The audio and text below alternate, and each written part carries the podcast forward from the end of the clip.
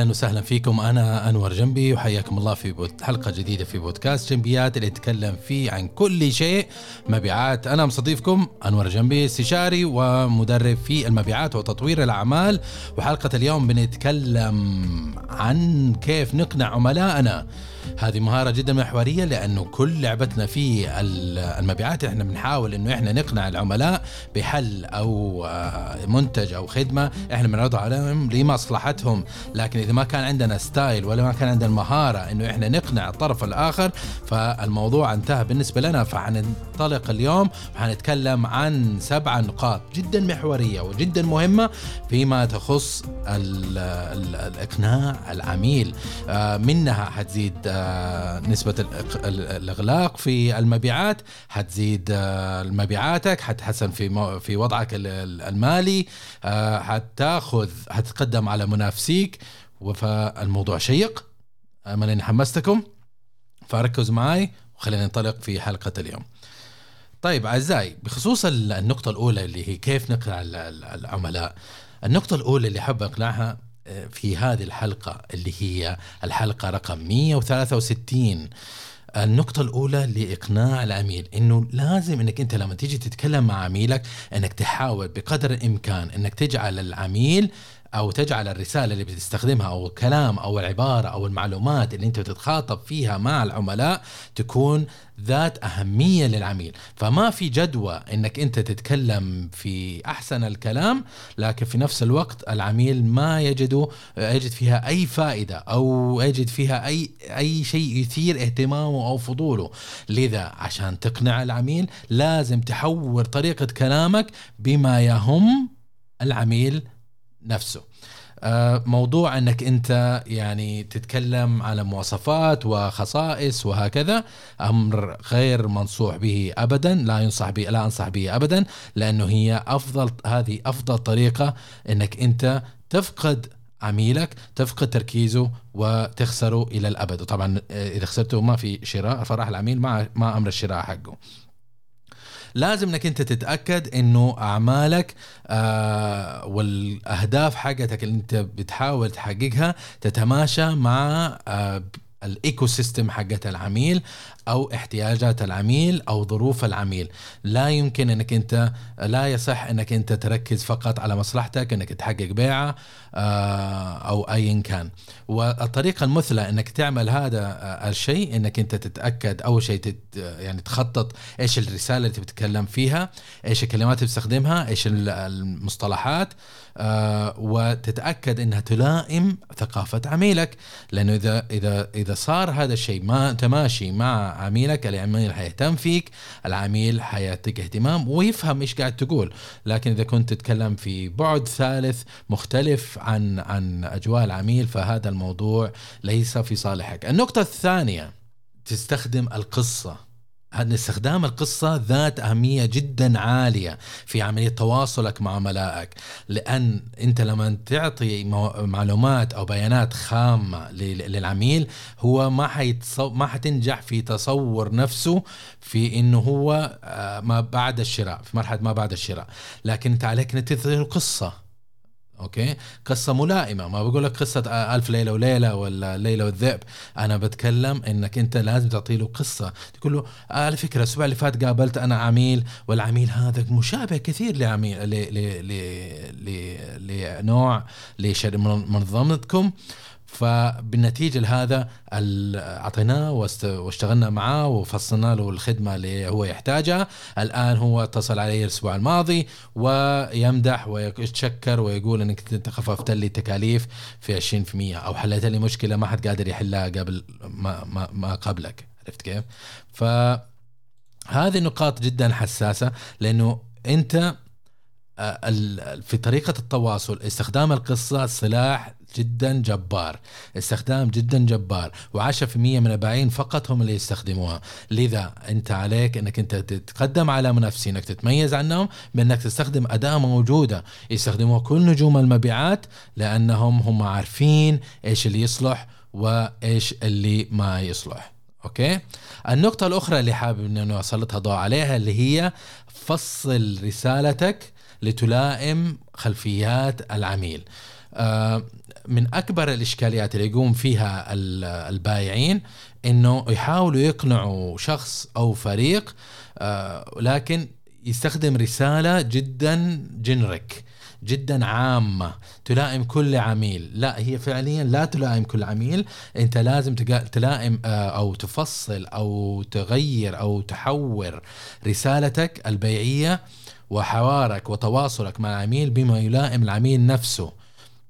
فبدل ما تقول آه يا يا جماعة الخير هذه آه المواصفات بالطريقة المعينه آه لا تيجي تقول له على فكرة أنا عارف إن عندكم مثلا صيانة لمصنعكم الأسبوع الجاي أنا توريدي أقدر أورد لك اياها في يومين. هذه لغة تلائم العميل يحس إنك أنت عارفه العلاقة والثقة تزيد وتقوى وبهذا أنت تتميز بين الموردين الآخرين. أنت تبين له بهذه الطريقة إنك أنت بحثت عن أعماله أنت بحثت عن مشاكله أنت تهتم في مصلحه مصلحته هو كشخص قبل أن تفكر في آه، حسابه البنكي ومتى تستحوذ على أمواله. النقطة الأخرى اللي هي آه، استخدم الأصدقاء والمستشارين اللي حولك في بيئتك حتى حتى تتعلم وتكتشف إيش الطريقة المثلى إنك أنت آه، تحور طريقتك بحيث تكون ملائمة. تدرب عليهم واستشيرهم واطلب نصيحتهم اطلب أفكارهم اطلب خبراتهم وتجاربهم. أجمل طريقة للتعلم إنك أنت تطلب من عميل أنك أنت آه، تطلب من زميل أو شخص إنه هو يساعدك بحيث إنك أنت ما يحتاج إنك تتعلم وتقع في كل الأخطاء اللي وقعوا فيها كل الناس في كوكب الأرض. لا اختصر المشوار ودرعم واستخدم آه، تجارب فعلية آه، تزيد من نسبة نجاحك مع عميلك. النقطة الأخرى اللي اللي ممكن أشاركها معك اللي هي دائما حاول إنك أنت تضع شيء ملموس قدام العميل. لما تيجي تقنعه حاول تحط ديمو حاول تحط عرض تجريبي حاول تعطي له فرصة إنه يستخدم فعليا ويضع يدينه الجميلة على المنتج. لأنه هو إذا جرب المنتج حيعرف إنه هذا الشيء ينفعه ولا ما ينفعه. نفسيا حيكون غير متخوف. بدل ما أنت قاعد تتكلم معاه عن شيء غير موجود أمامه شيء خيال في المرحلة هذه تعتبر فعشان تتقدم وتصير أنجح في إقناعه بأنه هذا الشيء ناجح ومفيد له اذا حاول تعمل demo حاول تعمل prototype حاول تعمل آه، تجربة تجربة آه، يعني آه، تجربة تجربة أو أو استخدام تجريبي للعميل سواء كان subscription سواء كان حتى مثلا تبيع شقة خليه يجي يشوف الشقة شوف الشقة امشي فيها خليه ياخذ راحته لا تنشب للعميل بحيث ان تكرهه في اليوم اللي هو شافك فيه. فالشيء الآخر اللي هو آه، دائما أعطيه إثباتات. لما تيجي تقول له إحنا حنقلل لك التكاليف 20% إذا اشتريت هذا المنتج استخدمت منتجنا. أعطيه إثباتات قول له بناء على الدراسات اللي سويناها في المختبر هذه الطريقة. بناء على تجربة العميل الفلاني مشابه لعملك فاستفاد هو أيضا. أعطيه تجارب فعلية.